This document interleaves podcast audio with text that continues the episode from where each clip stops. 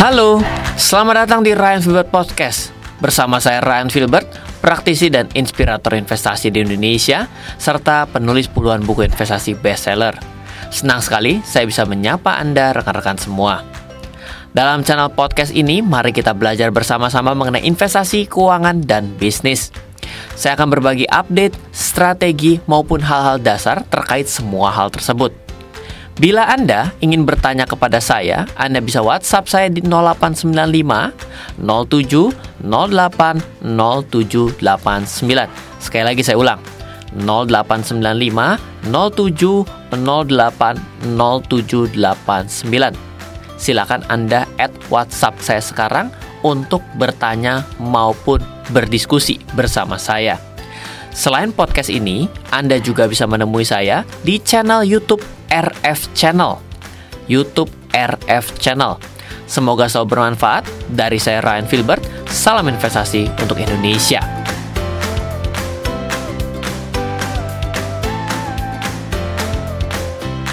Selamat malam Mas Daril, selamat malam kepada seluruh smart listeners di mana pun Anda berada. Kenapa malam hari ini saya melihat Anda lebih terlihat muda ya, Mas emang ini gimana ini emang penyiar satu ini nih emang. loh, saya honestly loh orangnya loh. Kalau kalau dirimu lagi pas pakai batik yang premium class gitu, kayaknya wah gimana gitu ya. Iya, iya, Pak iya. Ryan saya manggilnya. Kalau kayaknya ya sebaya gitu lah. Ade, ade, ade, ade. Ade. Berarti libur kantor ya?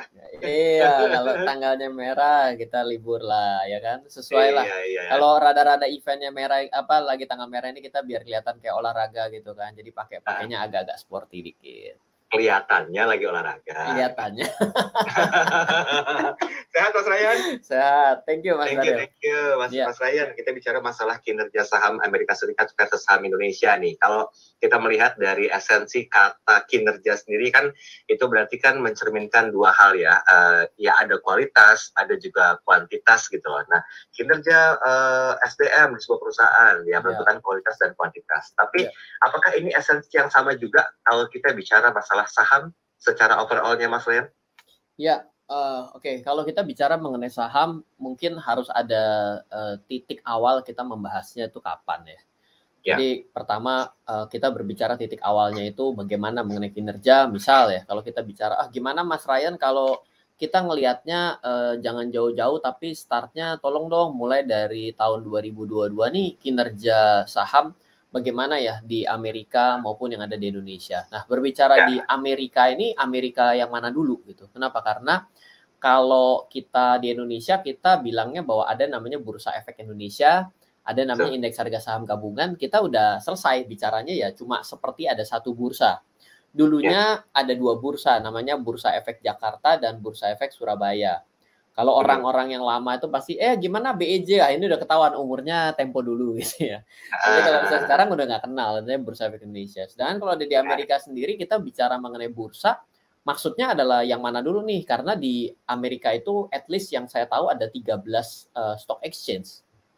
Dan okay. eh, jadi artinya bursanya bukan cuma satu seperti di Indonesia. Nah, mungkin kita akan sebut beberapa yang terkenal seperti ada Standard Poor, ada hmm. Nasdaq ya, S&P, ya. ada Nasdaq ya. Itu mungkin yang paling terkenal sehingga menjadikan itu sebagai indeks. Itu sebenarnya kalau kita bandingkan ya indeks harga saham gabungan kita ini jauh lebih bagus kalau pergerakannya ngelihat hanya tahun 2022. Oke, okay, okay. gitu. Tapi kalau kita tarik panjang, let's say kita ambil uh, mulainya dari pas waktu terjadinya Covid hmm. bulan Maret 2020. Maka kinerja yang terasa tertinggal itu sebenarnya kinerja uh, uh, saham-saham di Indonesia karena kenaikan harga saham di Amerika itu begitu kencangnya sejak tahun 2000 hmm. de, sejak tahun 2020. Jadi uh, kita malah tertinggal dibandingkan saham uh, indeks saham seperti Standard Poor, Dow Jones Industrial maupun Nasdaq dan uh, tiganya itu juga memiliki karakteristik uh, jenis saham di dalamnya yang berbeda seperti itu. Tapi kalau secara keseluruhan kan uh, bicara masalah pandemi COVID-19 di masa lainnya yeah. semua tuh imbas gitu loh dengan penurunan kah mungkin ada yeah. collapse segala macam. Nah saham sendiri bagaimana? Apakah mereka punya fundamental yang kuat juga sehingga kayaknya masih belum terlalu ya ya tergerus sih tergerus goyang sih goyang ya tapi nggak terlalu terlalu banget dibandingkan dengan bisnis lain. Apakah seperti itu keadaannya? Um, kalau kita uh, kalau kita tiba-tiba melihat saham ini sebagai suatu hal yang sangat jauh berbeda, yang uh -huh. seperti tidak tersentuh dalam kehidupan sehari-hari, inilah cikal bakal kita mulai berpikir salah. Kenapa? Oh, Karena kan uh, kita harus sadar ya bahwa membeli saham itu sebenarnya adalah membeli perusahaan. Di dalamnya saham itu adalah perusahaan-perusahaan yang hari ini ada di sekitar kita loh. Yes. Nah, jadi artinya pasti secara logika akan terdampak uh, daripada COVID-19. Namun ada saja selalu sektor yang diuntungkan, ada saja selalu yang, yang bisnis yang diuntungkan. Kalau hmm. dibilang sektor, kita tiba-tiba menyamaratakan, oh semua hmm. sektor konsumsi terdampak. Jadi kita berpikir bahwa tidak ada yang tidak ada yang bagus, tidak ada yang justru diuntungkan. Dan ternyata kalau kita geser sedikit ya, itu ada walaupun dalam satu sektor kadang-kadang ada saja kuda hitam yang artinya ya. yang lain kesulitan malah dia diuntungkan. Dan kadang-kadang juga segmentasi pasar itu berpengaruh. Saya ya. ada satu mall yang saya sudah lama tidak datang. Eh, kebetulan saya harus meeting dan itu juga terjadi hari ini. Ketika uh -huh. saya datang saya kaget. Tenannya seperti tidak ada yang tutup. Hmm. Buka saja semua normal dan dan tidak ada bekas-bekas tutup. Ya, ya, Dan ya. ternyata mall ini bukan mall kelasnya yang premium ya, tapi mallnya mungkin lebih kepada menengah gitu ya. Itu uh. lebih bertahan. Itu nggak ada hubungan dengan jual makanan, nggak nggak ada hubungan jual baju, nggak ada hubungan dengan jual obat. Itu bertahan semua. Ada yang tutup. Tapi jauh berbeda dengan mall-mall yang saya datangi dan memang itu dulunya memang mungkin lebih high class ya. Ya kan ada mall tuh kan ada mall kelas A, kelas B, kelas C kan gitu ya.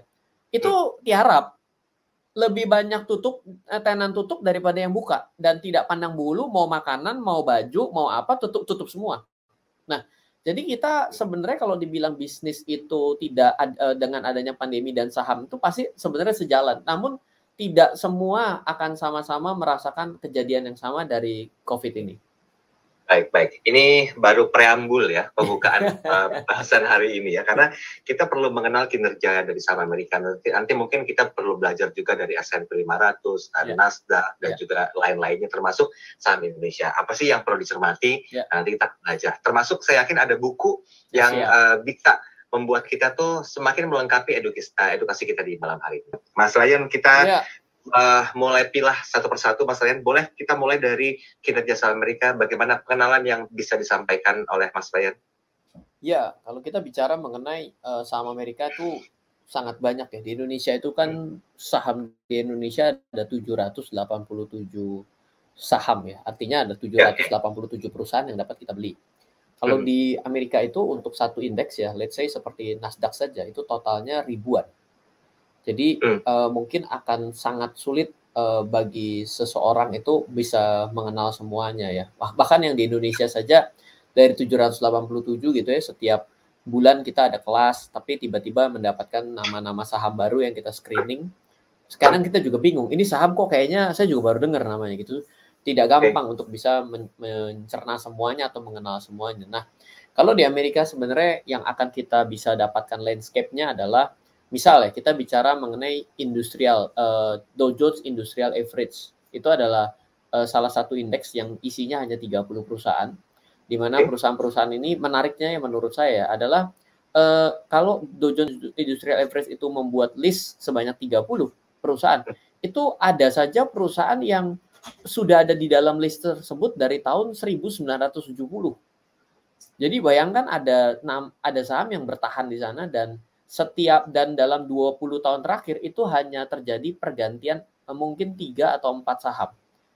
Nah, itu menjadi sesuatu yang dapat kita nyatakan bahwa saham-saham yang ada di dalam list nama indeks tersebut itu uh, cukup sustain kebal krisis karena lebih daripada lebih dari 9 uh, Dow Jones Industrial Average itu sudah ada sejak tahun 1890 sekian ya dan sama seperti standar Poor 500 itu ada dari 1890 sekian. Artinya e, kalau ada yang bisa bertahan sejak tahun 1970-an berarti kan perusahaan ini sudah sudah bisa bertahan dan memiliki kinerja pasang surut krisis itu kan silih berganti ya.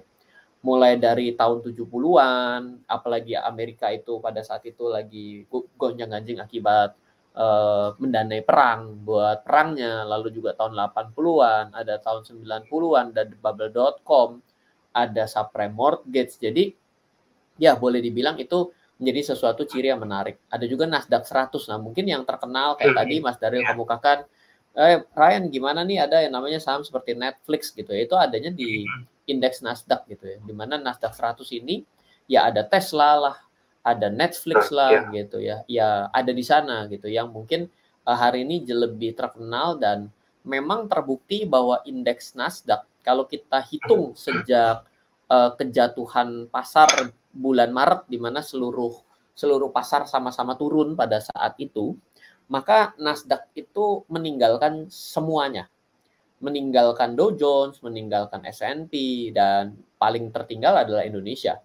Indeks mm-hmm. Indonesia kalau dibandingkan itu dengan dengan cut off-nya sejak bulan Maret itu sampai dengan hari ini maka indeks kita sangat tertinggal dari segi kenaikannya. Apalagi dari Maret tersebut sampai dengan akhir tahun 2021. Itu naiknya hmm. tidak terkejar. Seperti itu. Ya itu mungkin diakibatkan logikanya adalah oh ini pandemi nih. Berarti semua perusahaan berbasis online ini menjadi berbasis online dan teknologi ini akan sangat digunakan sehingga orang sama-sama melakukan tindakan spekulatif lah bahwa ini akan menjadi hmm. sesuatu yang menarik. Namun koreksi terbesar sejak bulan sejak awal tahun 2022, lebih uh-huh. tepatnya sih tidak awal ya, tapi uh, sejak November ya, November kan sudah lumayan akhir sih sebenarnya dari 2021, itu Nasdaq sudah mulai mengalami penurunan terdalam. Dan mulai saat itu justru terbalik, Indonesia indeks harga sahamnya justru yang mengalami kenaikan perlahan tapi pasti sejak akhir tahun 2021 seperti itu. Tapi gini Mas Ren, kalau kita bicara masalah kinerja ya, itu kan uh, mengenai dua hal yang saya kemukakan di awal tadi. Ada kualitas dan juga ada kuantitas. Dan ya. banyak para investor uh, atau para trader di Indonesia juga berburu saham-saham di luar negeri. Apakah ya. faktanya juga sebaliknya para pemain luar negeri itu berburu saham di Indonesia juga melihat mungkin ada pertimbangan-pertimbangan yang sepertinya tuh uh, ya layak lah untuk bisa menjadi satu bentuk kepemilikan eh, dari saham itu sendiri, Mas Ren? Uh, ini adalah ciri yang berbeda ya. Orang Indonesia okay. yang pergi keluar itu tujuan utamanya adalah taking profit dengan cepat. Jadi memang yeah, yeah. banyak yang melakukan dagang trading di luar gitu ya.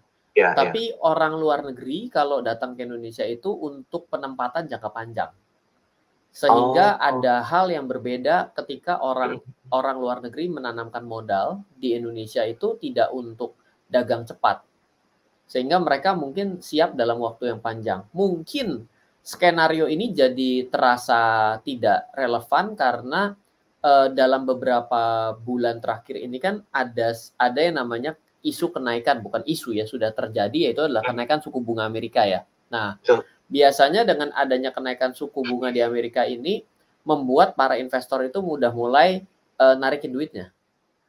Karena logikanya begini Mas Daril kita di saya misalnya adalah di Amerika kan terjadi yang hmm. namanya suatu kelonggaran untuk uang dipinjamkan kepada masyarakatnya agar terjadi hmm. suatu transaksi konsumsi dan dan sebenarnya tidak diharapkan investasi sebenarnya adalah untuk konsumsi.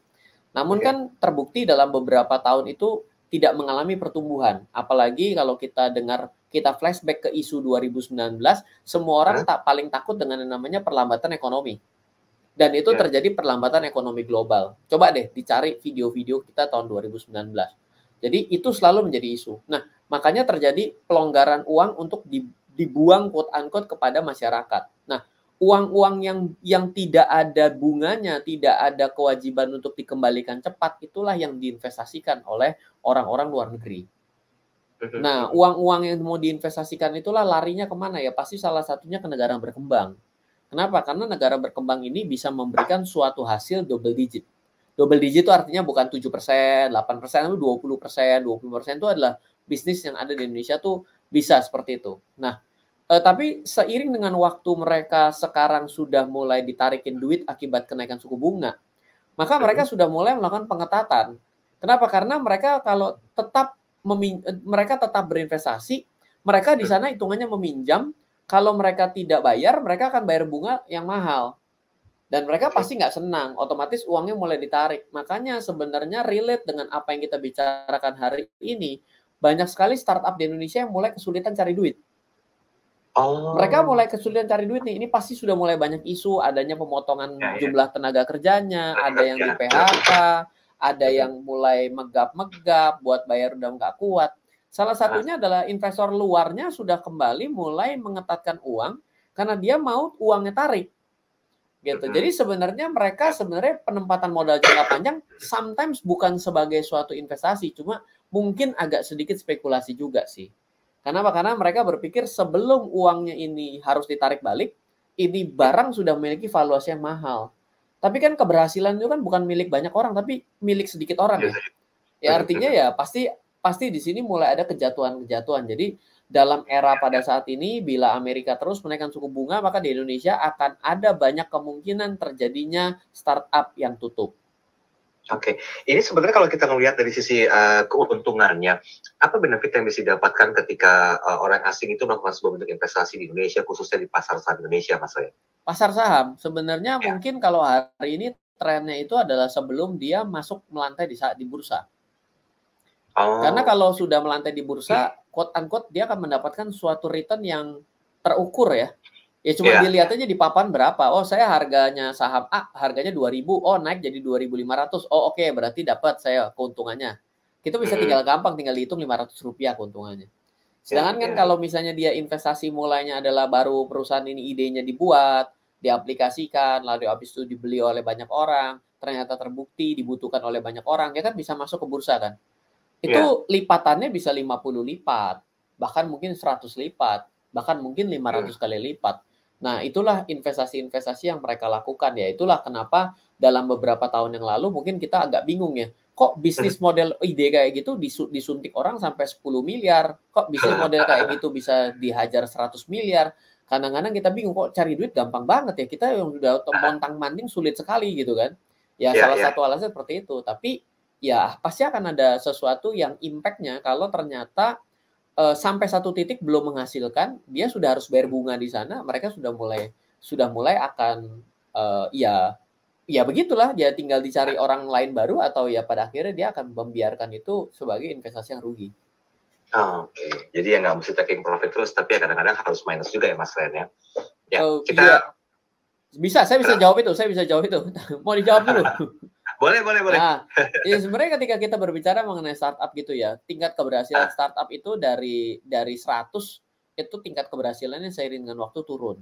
Awal muasal saya dengar itu sekitar 2017 2018 itu adalah 100 jadinya 10. Lalu setelah itu turun lagi 100 jadinya 5. 100 jadinya 3, 100 jadinya 1 sekarang. Jadi satu persen. yang satu persen harus ngembaliin yang seratus. Ya itu yang lama prosesnya. Gitu ya. Oke kita break dulu ya, Mas ya. Under Armour. Nanti kita sambung lagi. Dia sebut merek. Kebaca kok itu orang juga tahu kan. Dan boleh izin Mas Ren kita ke WhatsApp dulu ya Mas Ren ya. Siap. Ini sudah ada Nadira. Kalau Nadira menanyakan satu hal tentang uh, oh Apakah mungkin perkembangan kinerja saham Amerika Serikat nanti akan sama dengan eh, perkembangan kinerja saham di Indonesia agar dua negara ini bisa betul-betul menguntungkan dari sisi investasi uh, sahamnya? Nah, apa yang mesti menjadi sebuah perhatian dari pemerintah Indonesia untuk bisa mendongkrak equal tersebut? Wah, ya, uh, saya adalah orang yang sangat mencintai Indonesia ya. Namun ya. Uh, artinya kita harus melihat ada suatu hal yang memang kita harus tahu bahwa capital market ya, capitalization gitu ya. Itu kan memang datangnya dari dunia barat. Artinya ya, kita ya. harus tahu bahwa itu adalah sistem perekonomian yang memang ada di sana yang artinya hal positifnya mau kita ambil nih. Artinya suatu kegiatan investasi bahwa ada sebuah perusahaan yang bagus gimana kalau misalnya bisa ada kesempatan orang-orang biasa seperti kita tidak harus tidak harus menjalankan bisnisnya tapi bisa ikut berinvestasi. Um, sudah sudah cukup jauh dari uh, kapan didirikannya. Indonesia uh, baru kembali aktif pasar modalnya di tahun 1990-an dengan adanya Undang-Undang Pasar Modal tahun 1995. Mhm. Sedangkan Amerika berjalan terus-menerus sejak tahun 1900 awal. Jadi dari tahun 1890. Jadi dari usia kita sangat jauh. Dan kalau kita bandingkan, kita tahu ada nama perusahaan namanya Apple ya. Apple yeah. kan punya produknya di sekitar kita.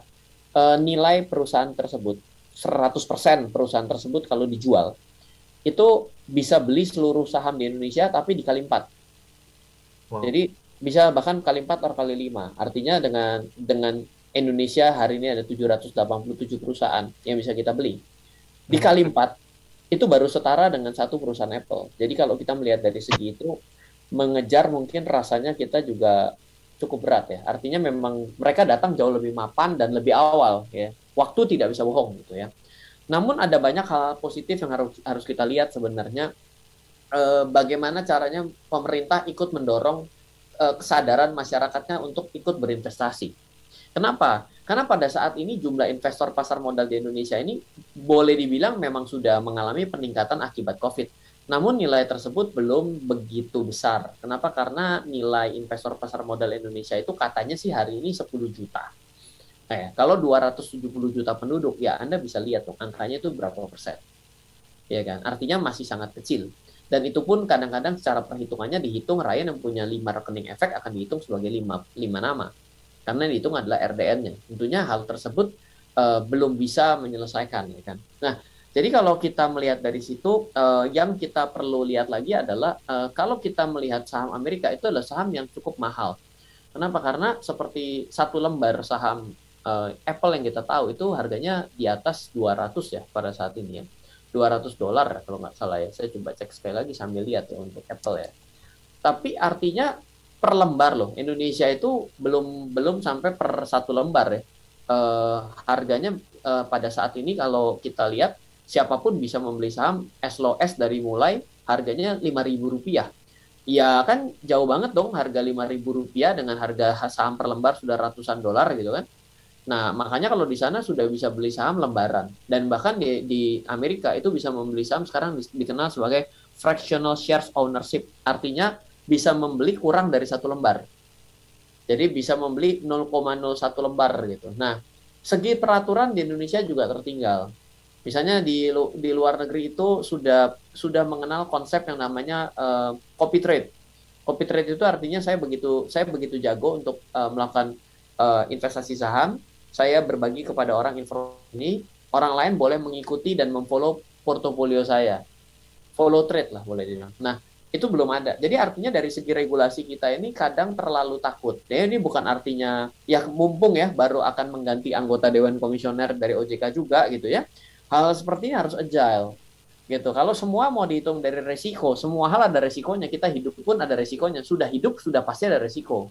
Ditakar dari segi resiko terus menerus kita akan nggak akan ketemu jawabannya. Kita harus melihat dari sudut pandang yang namanya ya dari segi pandang eh, keuntungannya juga Nah, jadi tapi kembali lagi ketika dilihat dari sudut pandang keuntungannya, ya bagaimana kita bisa gampang ya di tengah masyarakat Indonesia ini masih gampangnya untuk diiming-iming suatu investasi yang bodong gitu. Artinya kan pemerintah akan regulator juga akan takut kalau dibuka sedikit aturan menjadi sedikit longgar, masyarakatnya kurang kurang hobi membaca, lebih gampang ngeklik platform aplikasi sebelum tahu syarat dan ketentuan kan juga jadi bahaya kan akhirnya jadi bumerang kembali gitu. Jadi sebenarnya ini adalah tanggung jawab kita bersama. Regulator juga harus tepat dalam mengambil sesuatu. Tepat itu sulit sekali, jujur sangat sulit. Kita juga harus terus meningkatkan pengetahuan kita gitu. Jadi saran saya sebenarnya bukannya mau ngajakin orang investasi di dua tempat ya.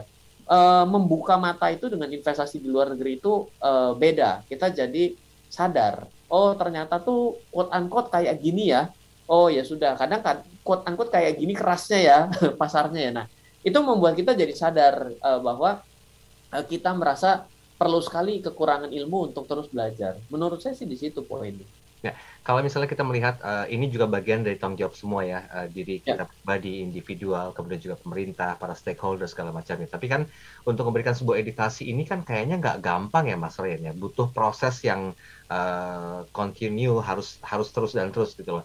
Uh, apa kira-kira yang menjadi sebuah acuan? Apakah uh, memang harus baca buku biar bisa tahu mengikuti program uh, pembelajaran yang lebih masif lagi atau bagaimana Mas Ryan?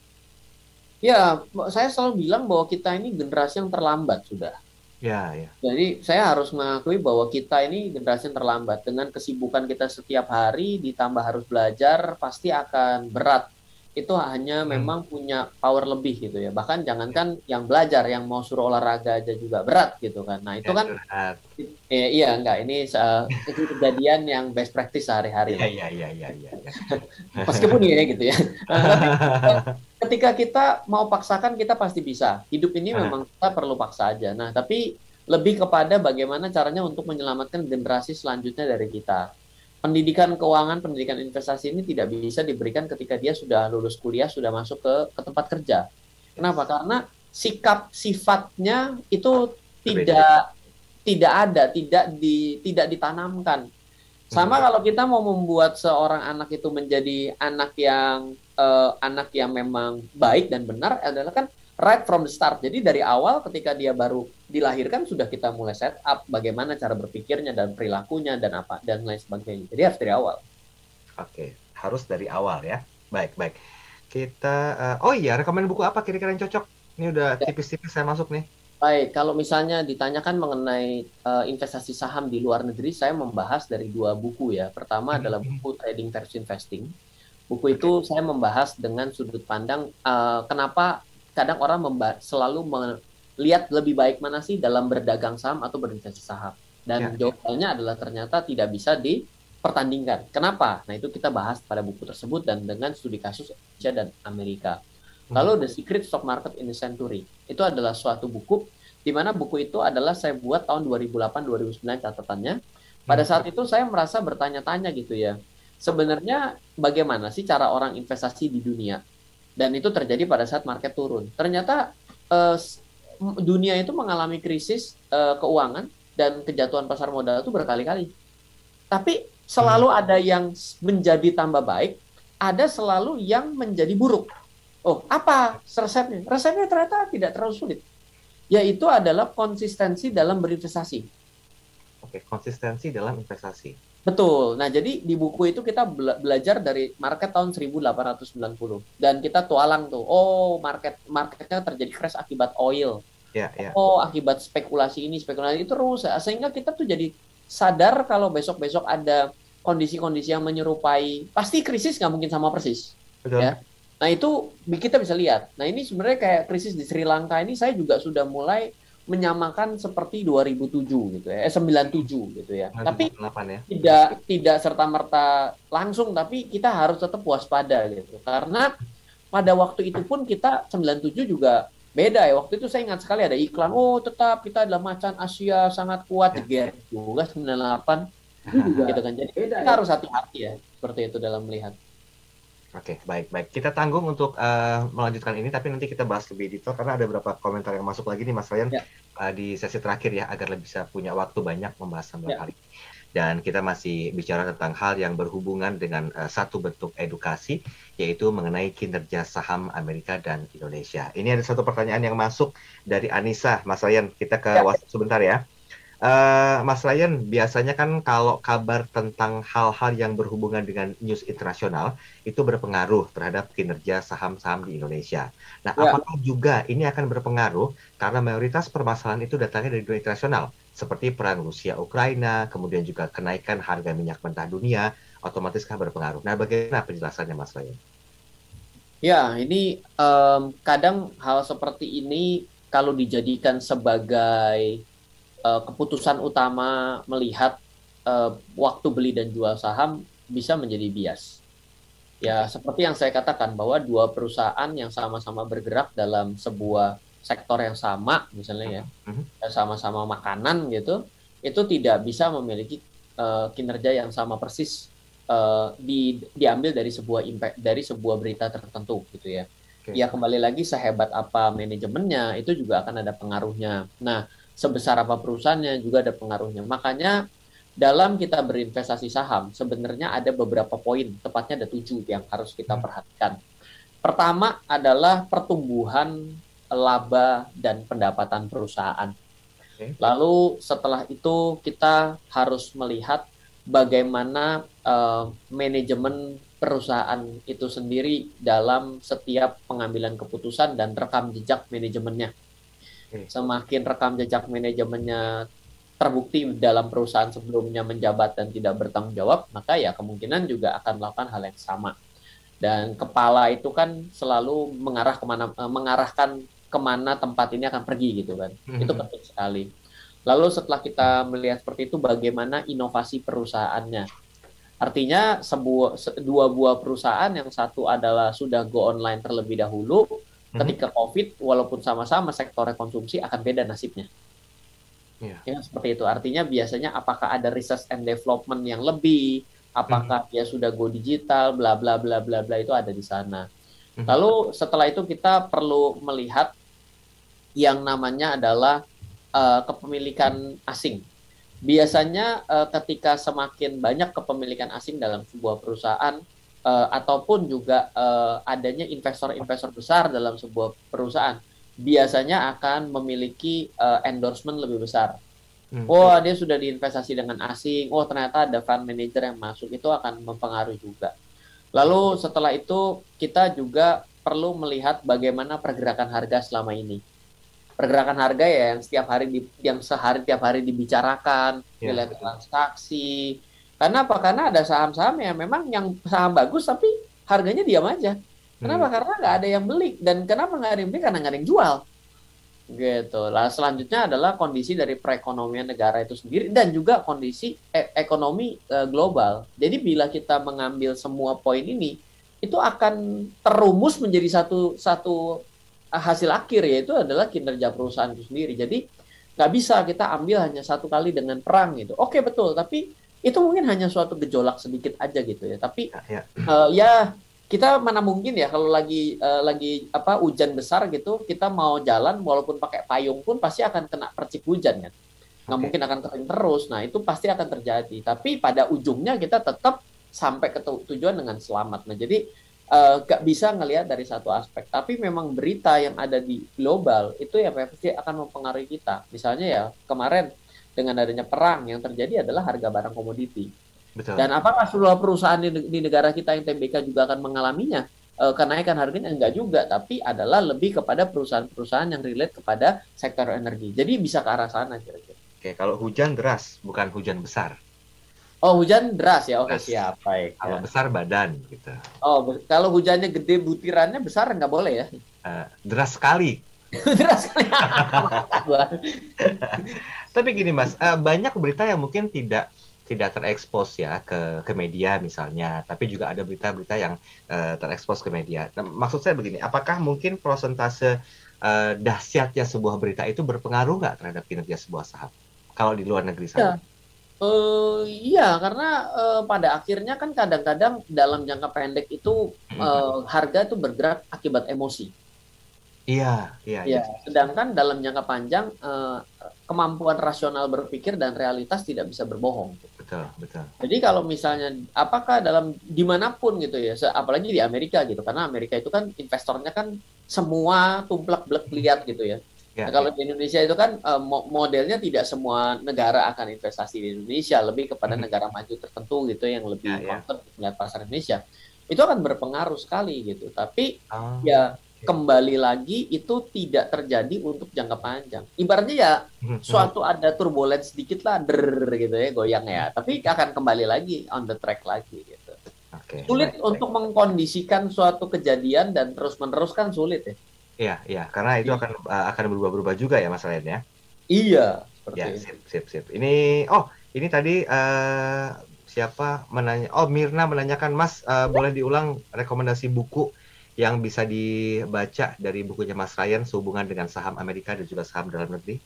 Ya, jadi ada dua buku ya yang kita bahas secara detail, yaitu adalah buku Trading versus Investing. Itu kita hmm. membahas uh, bagaimana cara melihat uh, saham yang baik diinvestasikan dan bagaimana cara melakukan tradingnya.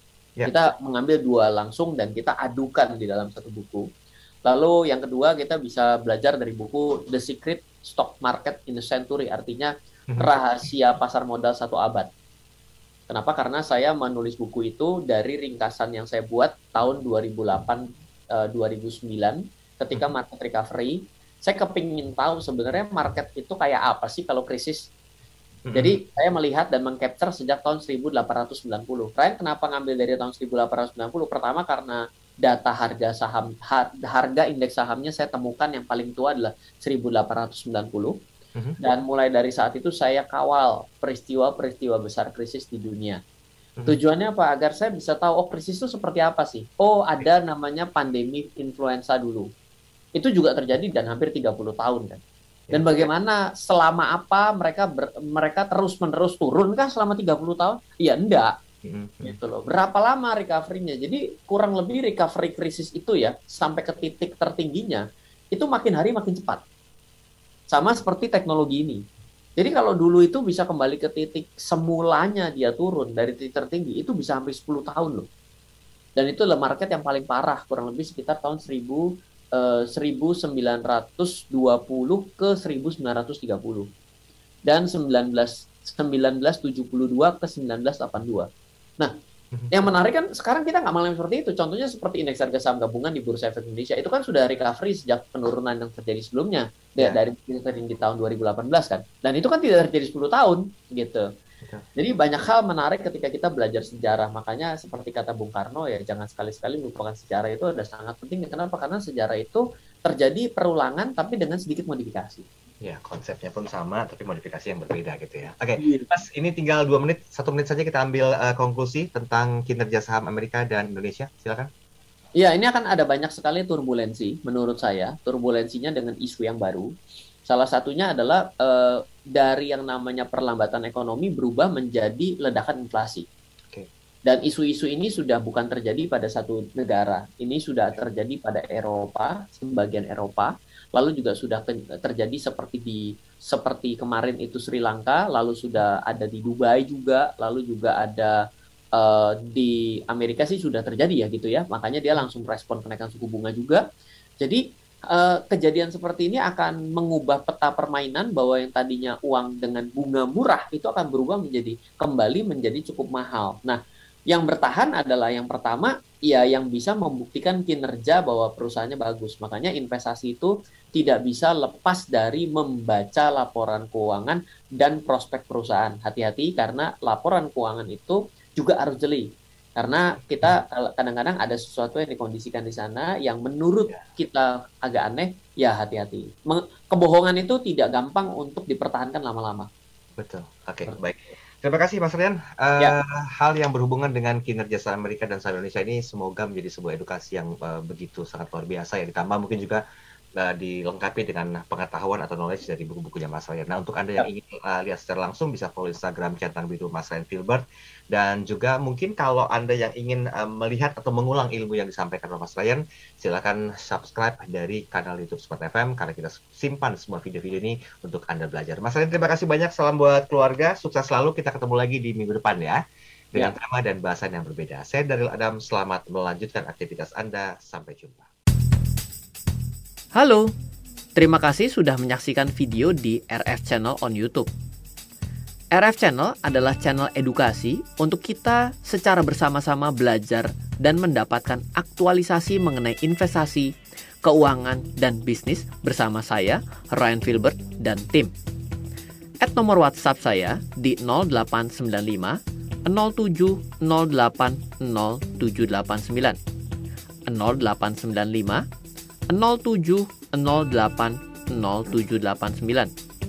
Download aplikasi MyRF di Android atau iOS untuk mendapatkan artikel dan tema-tema khusus mengenai edukasi investasi, keuangan, dan bisnis pada aplikasi MyRF sekarang juga.